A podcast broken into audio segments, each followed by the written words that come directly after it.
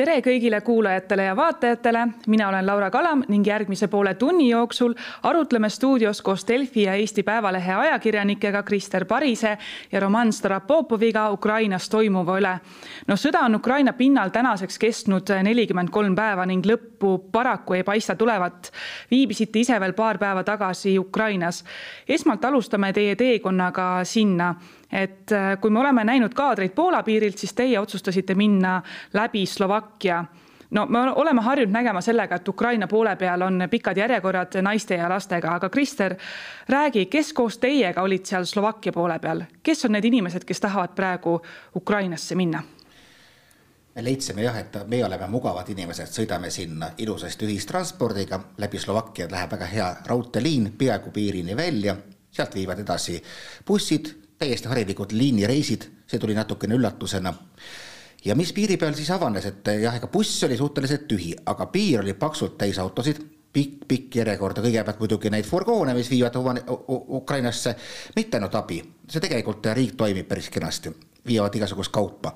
aga siis ta piiripunkt oli sel hetkel, kui me sinna kuskil õhtul jõudsime, täiesti ummistunud seal olid igasugused, kes tõid sinna humanitaarabi, jah, hästi palju vabatahtlikke, olid mingisugused lätlased, kes tahtsid minna Ukraina eest sõdima, kes tagasi pöörati, kuna neil polnud vist piisavalt kogemust või, või nad polnud läbinud piisavaid protsesse, igatahes selliseid õnneotsijaid ka.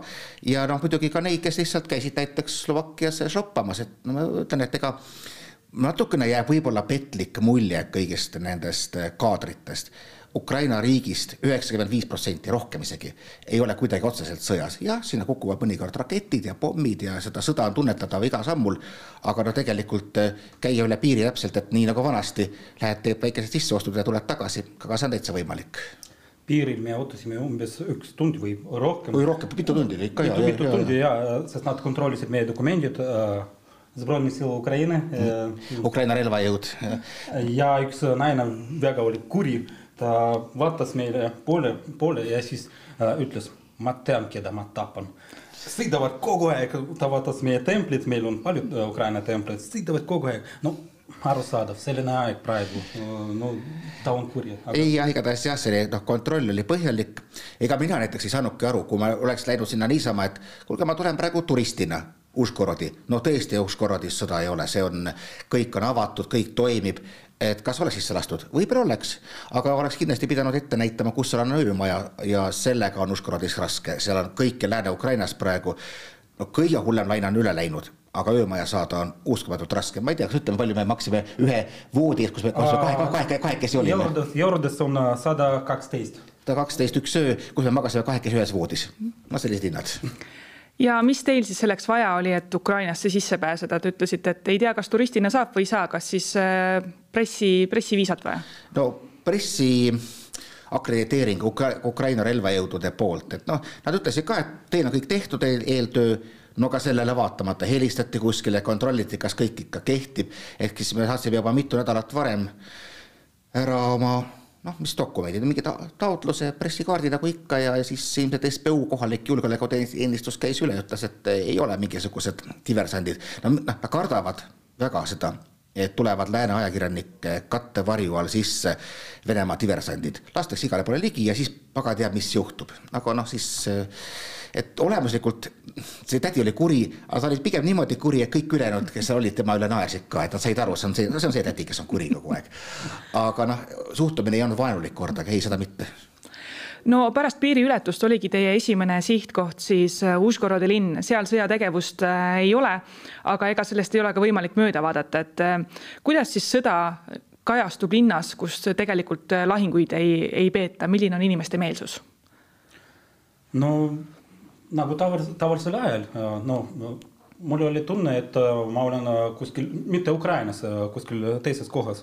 ja õues on palju äh, neid politsei, politseinikud äh, aga linnas ei olnud blokposti, jah? ja seal ei Uus-Kokradis ei olnud ja mitte midagi. ja, ja, ja sest pärast me sõitsime nii palju, eriti ida äh, äh, Ukrainas.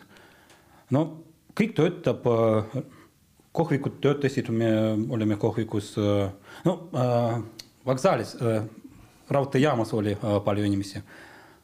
Ja, ja mis noh, mis sa näed, et on äh, mõne poole sildid jällegi, mis viitavad, et kus asub varjend, saad sinna sisse minna. Mm.. et noh, sellised asjad on tehtud või oled kohvikus väljas, kohviku laua peal on siis äh, õpetus, mida teha, kui kõlab õhuhäiresireen. Užhorodi ennast äh, pommitatud ei ole, jah, jah, jah, ei ole jah, et, et seal õhuhäired vist on küll olnud, et eks nad annavad need õhuhäired ka hästi laiale territooriumile, kui kuskilt äh, rakett tuleb. aga minu meelest jah, linn ise ja, ja ka linna ümbrus on jäänud puutumata seal no sealt suundusite ju edasi Lvivi, äh, kus nägite ja kuulsite siis ka raketirünnakut. no kirjeldage seda olukorda, mida te sellel hetkel tegite ja mis olid teie edasised sammud intervjuud tegime. intervjuud tegime, tegime oma tööd ilusasti, seal on tore pressiklubi hästi kesklinnas, suurte-suurte akendega, kus avaneb ilus vaade linnale. ja siis kohtus õhuhäiresireen, see, kellega ma rääkisin, ei pööranud pead, ei katkestanud jutuajamist, oli noh, tundub, et ja ongi tegelikult inimestel hästi tavaline seal. Nad, eks nad rääkisid, et alguses oli ikka noh, teistsugune suhtumine, aga Harjuga sa saad aru, et mitte midagi ei järgne. et seal oli ka olnud noh, sireene hästi palju, aga no Lvivi ennast ju polnud kordagi pommitatud varem Liivi ööndas polnud pommitatud teisest maailmasõjast alates ja, ja ka siis kukkus siin umbes üks pomm. ehk siis eh, see oli täiesti haruldane, varem oli kuskil sinna lähedal oblastisse kukkunud midagi alla, paar raketti. ja, ja siis järsku vaatan, inimesed muutuvad nagu murelikuks, mina ei saanud midagi eriti arugi, aga sain aru, et nagu aken natuke võbises, siis võbis kõvemini, siis kõik hakkasid kiiresti akendest eemale minema lihtsalt, jäid sinna istuma. no siis läksime välja tänavale, et, et teha või ka, ka tänaval pilte ja vaadata, et mis on, aga ega enam, enamik inimesi tänaval ei pööranud peadki, kõndisid edasi, tegid oma asju. tuli mingisugune, ma ei tea, kes maakaitseväelane või üritas inimesi varjendisse ajada alla keldrisse, aga ega nad seal kaua ei olnud ja, ja midagi vaatasime, tegime pilti, läksime natuke lähemale, linn oli sellist kõrbe, kõrbelõhna täis natukene, seal üks naftahoidja põles. aga noh, saime aru, et ega meid niikuinii lähedale ei lasta, pluss ähm, nad suhtuvad väga kurjalt selles, et tänapäeval, kui neid asju lähedalt pildistada, nii et noh, nii, ta, nii ta oligi. no Roman, kas sa reaalselt ka hirmu tundsid sellel hetkel, kas sellel ei. hetkel on aega hirmu tunda? ei, üldse ei, sest no mina juba olen Ukrainas, ma olen just Lvivis, kui äh, sõda algas, äh, kui Putin siserindas Ukrainat. Äh, ma mäletan hommik, veebruar ja see märts, võrdlen, et praegu ei, hirmu ei ole no arusaadav. Ja inimesed ka ei karda, absoluutselt, paanikat ei ole. Um, no mul oli samamoodi, vot nagu Krister rääkis, et äh, istusime, pärast kuulsin äh, meie intervjuu äh,, oli äh, signaal, see äh, rääkisime edasi, siis nagu midagi ei toimu. Ja, ja noh, liiklus jätkub kõik tänavatel mm -hmm. ja mhm. et noh, põhimõtteliselt on jah varjendid nagu avatud ja, ja noh, pärast neid plahvatusi jah, tõsi, tõsi, nad meid aeti sinna ja mõned inimesed seal natuke aega ka keldris olid, aga siis sa saad aru, et noh, põhimõtteliselt kui õhuhäiresireen tuleb, on äh, raketid või lennukid õhus, no seakandis raketid, lennukid sinna lennata ei julge nii kaugele. ja järelikult noh, tulevad mingi hetk nad maha ära ja siis on kõik ja no Lvivist on suures plaanis ju äh, siiski rahulik ja just selle geograafia tõttu, et seda, seda väga kerge nii-öelda rünnata ei ole. aga kohe sõja puhkedes saigi ju Lvivist nii-öelda riigi tugipunkt, et äh, inimesi voolas sinna Kesk- ja Ida-Ukrainast ja seda tänase päevani. no kuidas see linn äh, mitmeid kümneid tuhandeid sõjapõgenikke vastu võtab ja sellega toime tuleb, et sest ma saan aru, et ega inimesed seal tänaval ega telkides maga, kõik on väga hästi organiseeritud. just no ega telkides magada ei tohigi, seal on komandanditund, sa pead olema kuskil kella kümnest alates varjus. Ja noh, noh, Lviv on selles mõttes veel eh, normaalne linn, et seal on kella kümnes komandanditund, mitte, mitte oluliselt varem nagu mõnedes teistes kohtades. ei, nad ise ütlevad, et saavad hakkama, noh, ta on transiitlinn, et ta on oma, oma võimalused on ta ammendanud et kõik kohad, kus on võimalik olla, on täis, aga eks siis inimesed liiguvad edasi, kes liigub sinna just nimelt Užgorodi kanti, äh, Taga-Karpaatiasse, kus on tõesti, no ikkagi mäed on ees ja sinna annab tulla venelasel. või siis liiguvad edasi, no pigem enam, enamik, äh, kaks kolmandikku või niimoodi liigub edasi Poola ja sealt siis edasi kuskile lääne poole vaatama, et äh, ja noh, jällegi see päris tipulaine on möödas kui me ka nüüd tulime sealtkandist uuesti nagu välja, siis ümbruskonnas oli kenasti saada hotell, piiri peal ei olnud järjekordi enam, et eks see nüüd, kui tuleb idast uus laine peale, eks need inimesed tahavad jääda küll pigem sinna võimalikult lähedale itta, aga eks sealt kindlasti siis tuleb natukene ka, ka meile juurde. ja noh, need on kõik linnaasutused töötavad ja jällegi, mis, mida ma kuulsin igal päeval igas tunnis vähemalt korra on üks sõna, on solidaarsus. Nad, see on hämmastavalt toimiv kodanikuühiskond, kui arvestada, kui düsfunktsionaalne teinekord võis Ukraina riik olla. ehk siis, kui praegu ikkagi on kõik rünnaku all, nad tõesti aitavad üksteist kõik töötavad koos, kes on äh, Ukrainas, kes on äh, Lvivis oli, kõik tahtsid aidata äh,. üks naine äh, vaatas, et äh, minu postitust Lvivis äh,, küsis, kas korter on vaja.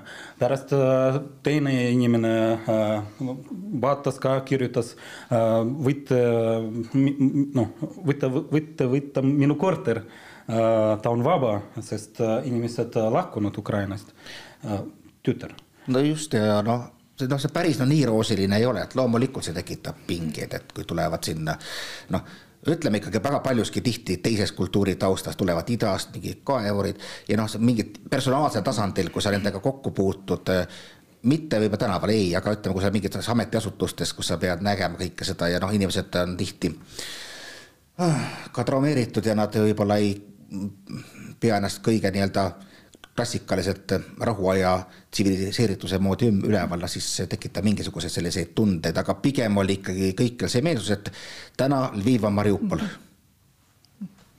no ometi otsustasite minna ka täitsa itta, Severodonetski, et äh, linna, mis on venelaste nii-öelda käeulatuses, et mitte päris äh, piiramisrõngas. kuidas teie teekond äh, sinna välja nägi ja, ja mis te, mis, mis teid seal ees ootas? Sõitsime autoga, oi, nii palju blokposte oli, väga palju. ja äh, üks hetk äh, Krister ja meil oli Silver Merker äh,, nad, ma ei mäleta, kes ütles äh, nendel äh, vaikus, räägime meie, meie, sina ei räägi. no ma räägin aktsentita äh,. ja kogu aeg äh, Silver äh, ütles äh, niimoodi, estonsi äh,. no siis arusaadav oli äh,, probleeme ei olnud äh, palju-palju blogposte oli, pärast ööbisime bussis terve öö, sest öösel raske sõita. Need blogpostid ja nad ise kardavad sõdurit, kes tuleb Nad, ei näe. pluss on veel see, et teed on täiesti kuhjatud täis mingisugust räna, neid tankitõkke äh, ma ei oska öelda neid riste, siis lihtsalt mullahunnikuid, betoonplokke, nad on pandud sinna valmis selleks, et kui on vaja, siis saab tee kiiresti plaks sulgeda. kõik on võetud, toodud valmis. aga noh, sellist pisiasja nagu helkurite küljes ei ole ometi, sa ei näe nimetada mitte midagi, kui sa sinna otsa, otsa paned. ööbisime äh, autos, oi, bussis ja hommikul äh, sõitsime juba läbi Lissitšanski ja Lissitšanski. ja kõigepealt jah, selles äh, Slavianskist läksime Slaviansk, läbi. Kramatorsk, Slaviansk, kõik need piirkonnad, mis noh, praegu öeldakse, et on võib-olla Vene tulevase rünnaku sihtmärk ja noh, see on ka põhjus, mispärast inimesed sealt ära tulevad, neil on väga selgelt tea, aru saada, mis need, kuhu need rünnakukiidud hakkavad tulema ja Severodonetskis olime umbes kümme minutit, sest oli vaja kõik kiiresti teha ja nad pommitati, no ühel minutil olid. kümme, kümme tükki umbes jah? ja, ja, ja. jah, noh, sel hetkel oli kuskil kaugel, no just praegu lugesin viimaseid uudiseid, et, et jälle mingi mitu-mitu suurt elumaja täna öösel põlesid seal, et noh, et nad lasevad suhteliselt valimatult ikkagi linna pihta no te olite seal linna nii-öelda keskväljakul küll ainult kümme minutit, kuid äh, Roman, sina nägid seal oma tuttavat, kõigist maailma kohtadest äh, leidsid sa sealt ühe tuttava inimese, räägi sellest. Äh, ma olin sügisel Severodonetskis, Eesti korraldas äh, äh, Arvamuste festival, siis äh, seal me tutvustasime. Ja vot kui ma olen, kui me olime Kristeriga, vaatan, üks inimene vaatab minu poole, naeratab ja tuleb minu juurde. ma te, ütlesin temale lihtsalt privet ja pärast noh, natukene vestlesime, küsisin temalt, kas annate intervjuu ja, ja pärast juba intervjuu küsisin, oleme tuttavad jah, kus me, ma ei mäleta, kus me tutvustasime, no siis ta Äh, rääkis sellest. ei, see on, Ukraina on hämmastav koht kohtumisteks, et mina mäletan kunagi sain ka, kui ma käisin juba varem, noh, kuskil niimoodi seal kaevikud vaatamas ja see oli ka kaks tuhat kuus vist, sain kokku ühe naisterahvaga, kellega me koos käisime omal ajal aitamas Kuuba dissidente ja siis saad kokku kuskil sellises kohas, see oli hästi hämmastav. pluss noh, nüüd, kui me seal tulime ka, et mingi hetk saime oma Rahvusringhäälingu kolleegidelt kõne, et no kus te olete, no me oleme Slavjanskis me oleme ka, no saame siis Keskväljakul kokku no vot, aga terve maa. signaal ka oli äh, Slajanskis uh,. inimesed äh, jalutavad, meie ka kus me oleme ah,, ah, teised ajakirjanikud, Euroopa ajakirjanikud olid kuskil kohvikus, kõik istusid. kui oli, käis ka õhuhäire parasjagu, et ega keegi mingisugust, ütlen, et see õhuhäirega harjub väga kiiresti ära. nüüd hiljuti oligi, kus just me tulime ära Krivi Rihist ja siis president Zelenskõi sünnilinn ja noh, kohe samal ööl pärast, kui me ära tulime, tuli sinna pihta erinevate rakettide rünnakud. ja siis ka, ka pärast rõhutati, et kuulge, kodanikud, teate, et ähm, see, et õhuhäiresireen kõlab, see tähendab, et tegelikult peaks midagi nagu tegema varju minema ikkagi. eks see ole vist natukene selline hirmutamine ka, et just seda presidendi ähm, nii-öelda sünnilinna pommitatakse. Nad ise usuvad, et see on täiendav faktor, jah, muidugi no terve maailm vaatab ja imetleb praegu, kui ühtne rahvas, kui tugev, kui kangelaslik ähm, saab Ukraina praegu olla. no aga enne sõda, ega seal ju ka tegelikult oli erimeelsusi nagu iga, igas riigis. et ähm, kuidas kohapeal see tunnetus on, et ähm, kas viha ühtse vaenlase vastu ja janu vabaduse vastu siis on pannud nii-öelda poliitilised erimeelsused äh, unustama? no just absoluutselt, see, seda kõik rõhutavad ja ka kõik need, kes on olnud opositsioonis, Petro Porošenko, tema vastaskandidaat ütleb, et mina toetan Zelenskit. Äh, noh, nii-öelda ma ei oska öelda, et kirjeldada, kas ma ütlen võib-olla õigesti, aga meie Keskerakond ehk siis opositsiooniplokk, need, kes varem rääkisid, et no me ei toetanud Venemaad, aga et davai, et mõistame ka Venemaad ja kõike. no täi-, täistoetus praegu Ukrainale, see noh, mingisugust, no need, kes hm, Need, kes ei toeta, neid on, neid kollaborante üksikuid on, need on ka tulnud ju välja ju, aga nad on sellisel juhul kas väga-väga vait või kiiresti Ukrainast lahkunud no me rääkisime Krivi Rih linnapeaga mm., vot just endine nii-öelda äh, keskerakondlane. Äh, ta ütles, et äh, praegu me oleme kõik koos Ukrainas ja mis oli enne seda, noh, ei tähenda, noh. see ei loe mitte midagi täpselt, no see ongi, et noh, ega, et ei olnud ju üldse mitte mitte legitiimne enne sõda öelda, et kuulge, äkki katsuks sõbralikult. noh, pärast, kui sulle on kallale tungitud, see ei, ju ei päde enam ja kõik saame aru, et olukord on muutunud. no kuidas Ukraina majandus sellele kõigele vastu peab, et töötus ju kasvab, tehased, kus inimesed varem tööl käisid, on õhku lastud ja tegemist on ju tegelikult suure põllumajandusmaaga. Eh, aga külvajate asemel on praegu põldudel tankid no päris see pilt nii nukker ei ole, kui asi puudutab põllumajandust. Et just vaatasin esimesel aprillil tuli teadaanne, et alustati külvihooaega kahekümnes rajoonis, et eelmisel aastal samal ajal oli see viieteistkümnes, eks see on natuke ka nendel enda selline nagu psühholoogiline tunnetus, et ma ei tea täpselt, mis pinnad siis sinna maha pandi, et kui palju, aga et ikkagi, et noh, noh, suurem osa riigist jätkuvalt on sõjategevusest puutumata, jah, inimesi on võib-olla vähem, aga igatahes võimud kutsuvad igatepidi üles, katsuge võimalikult taastada normaalset elu, et noh, Kiievis taastati õppetöö, igal pool tulevad teated, kuidas jälle rongiliinid hakkavad kõik käima nii-öelda rahuaja graafikute järgi. Teha, suured tehased palju seisavad, see on tõsi, et seal tihti töötasid mehed ennekõike ja, ja noh, nemad on siis noh, ei ole kõik rindel, aga on ikkagi kuidagi kuskil arvel ju hõivatud ja, ja pluss on veel see, et tehased on selge sihtmärk. kui sa saadad sinna inimesed tööle, on suur tõenäosus, et sa saadad nad surma. et sellepärast ka, aga no mingisugune nagu väikeettevõtlus töötab jah, viiskümmend üks protsenti umbes inimestest on kaotanud töö, riik pakub, pakub praegu erinevaid kompensatsioonimehhanisme ja ega riigi tasandil ei olegi ühtegi muud sõnumit, kui et IMF, Ameerika Ühendriigid, kõik teie, kes te meid toetate, ühte asja teil on, teil on raha, lihtsalt makske meile praegu peale, et siis, siis me saame hakkama. no põllud on äh, ette valmistatud, noh, me sõitsime palju rongiga, autoga ja nägin, et äh, traktorid töötavad. muidu äh, Ida-Ukrainas seda midagi ei tööta, aga äh, näiteks Lvivis, Zaporožjes, Krivi Rih lähedal äh, kõik töötab no mida ukrainlased praegu kõige rohkem kardavad, kas nad kardavad neid läbirääkimisi, kas nad kardavad äh, nii-öelda Süüria stsenaariumi? võib-olla nüüd järjest vähem, et noh, meie olime just siis seal, kui veel olid ikkagi venelased Kiievi ümbruses ja aga nüüd noh, kui ta on, noh, kogu see lahingutegevus keskendub idas, jah, no see on ja nad kardavad jah, võib-olla, et äkki ei tea, mis antakse kuskil läbirääkimistel ära. Aga ma ütleks, et eriti pärast nüüd seda edu läänes on ka suhtumine ikkagi selline, mida ka väljendab nende enda juhtkond, et meie dikteerime Venemaale alistumistingimused. ehk siis no näis nüüd, mis juhtub pärast seda praegu kohe-kohe algavat suurrünnakut idas Venemaa poolt, eks siis need faktid maa peal määravad ju, ju päris palju, aga hetkel on nad ülimalt enesekindlad, vaatasin mingeid küsitlusi, hiljuti kaheksakümmend üheksa protsenti ütleb, et Ukraina võidab, üks protsent ütleb, et kaotab, ülejäänud ütlevad, et noh, vaatame, vaatame. ehk ähm, ma ütleks, et isegi seda hirmu võib-olla vähemaks jäänud just tänu sõjalisele edule. et varem küll jah, et noh, et mingi kardeti, et venelased jätta jäävad kuskile sinna niimoodi kaevikutesse pidama, ka Kiievi ümbrusesse.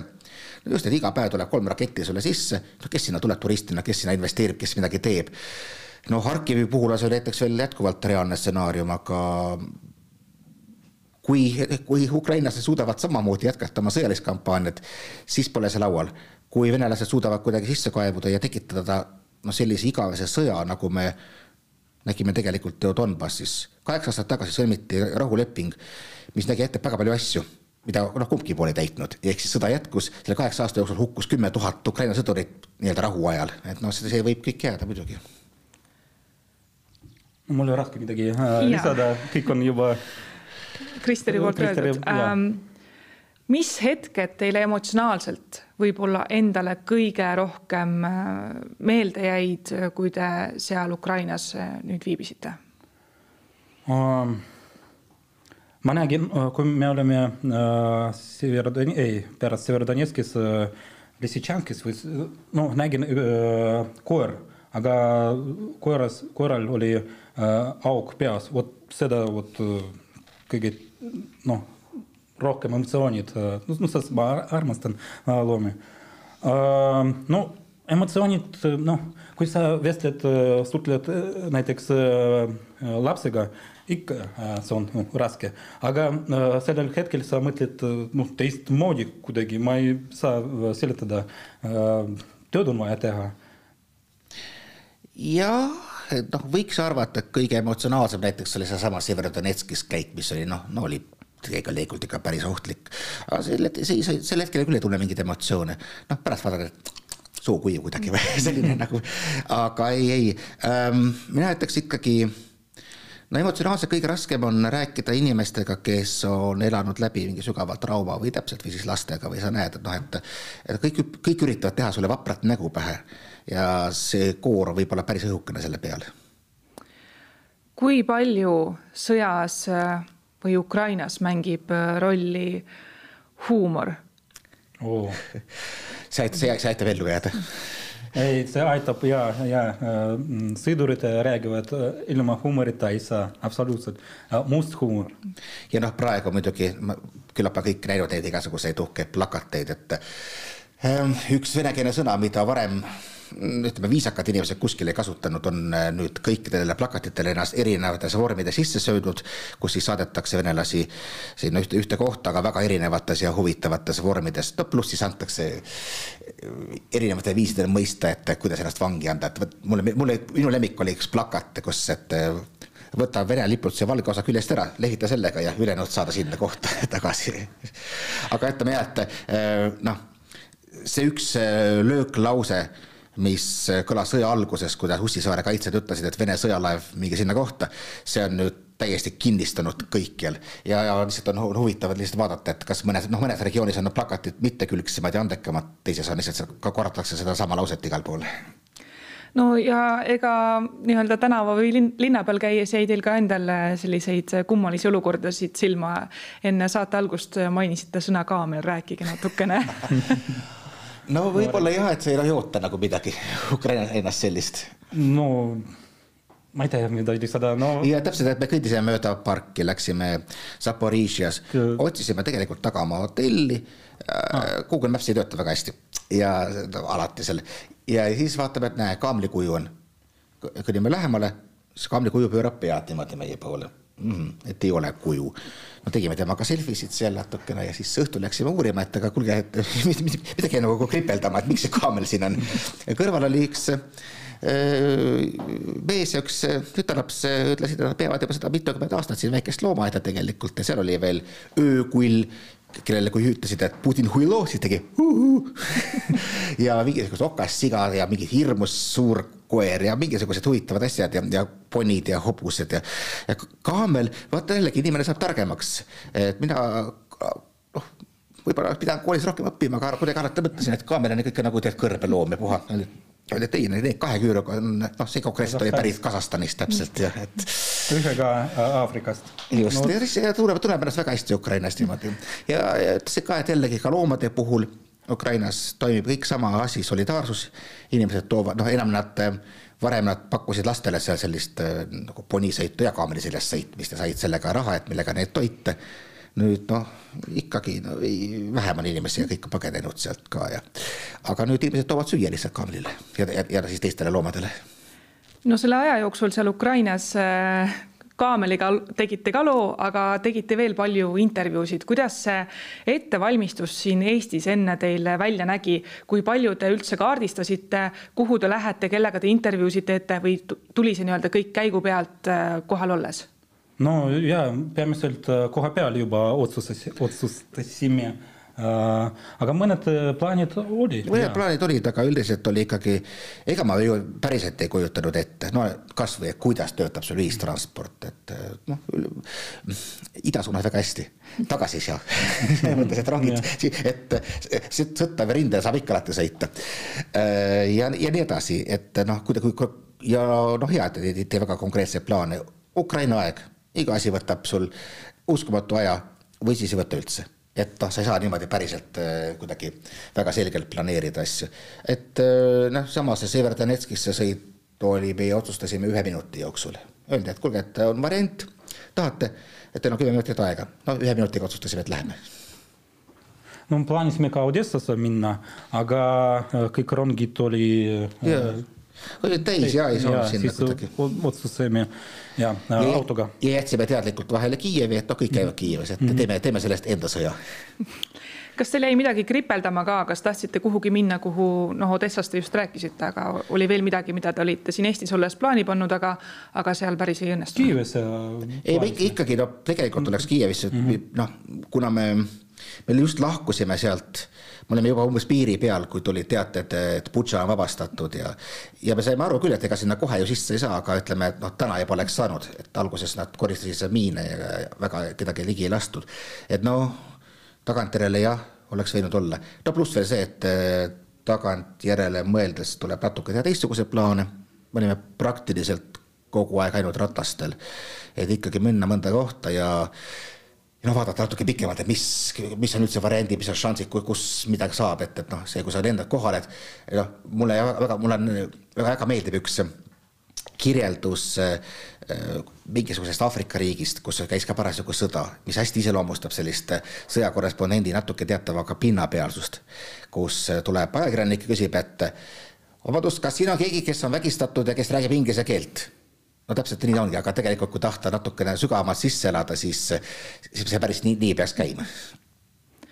no te olite Ukrainas täpselt sellel hetkel, kui Butša vabastati, kas äh, need kaadrid, mis meile siia jõudsid, äh, nii-öelda võtsid meid kõik täiesti äh, hingetuks. mis emotsioon sellel hetkel Ukrainas oli, kas sealt oli tunda mingit emotsionaalset lainet? Sellel hetkel? no nad muidugi rääkisid sellest äh, emotsioonid nagu meil siin Eestis, no kõik noh, keegi no selles mõttes äh, ei saa aru, äh, et niimoodi äh, saab teha äh, olid, olid emotsioonid. aga nad ei olnud väga üllatunud, et me kogu aeg enne ka, mida nad kirjeldasid, et noh, et peamine temaatika oligi see, et saate aru, need ei ole inimesed, nad, kui nad näevad ilusat maja, tulistavad sealt puruks, näevad kirikut, tulistavad puruks. no meie sama Krivirichi linnapea rääkis, et äh, käis mingi vabastatud külades, et noh, oli vägistatud muuhulgas kuueteistaastane neiu ja seitsmekümne kaheksa aastane memm ja, ja nii edasi ja nii edasi, et noh, selliseid lugusid, mida need inimesed rääkisid, oli ikkagi uskumatult palju, no mitte uskumatult palju, aga ütleme jah, et see, see, et nad suudavad hukata inimesi, noh, tegelikult ähm, ei üllatanud, lihtsalt see fakt, et sa lõpuks nägid neid, see oli muidugi šokeeriv. no siia saate lõpetuseks. Roman, sinul on suur soov Ukrainasse õige pea tagasi minna, väga lühike küsimus ja konkreetne. miks, miks sa tahad sinna tagasi minna? Sest ma tunnen, et äh, pean äh, olema Ukrainas, rääkida sellest, äh, mitte siin, no see on minu võlg. ma otsustasin ise, et see on minu võlg, rääkida sellest. Krister ja Roman, toimetus tänab teid selle julguse ning nende lugude eest, mis te Ukrainas tegite. jõudu ja jaksu, Roman, sulle, kui sa Aitäh. Ukrainasse naased mina tänan teid kõiki kuulamast ja vaatamast. kõige värskemate uudistega Ukrainast olete kursis ikka Delfi otseblogis. püsige terved, oleme mõtetes Ukrainaga, kohtumiseni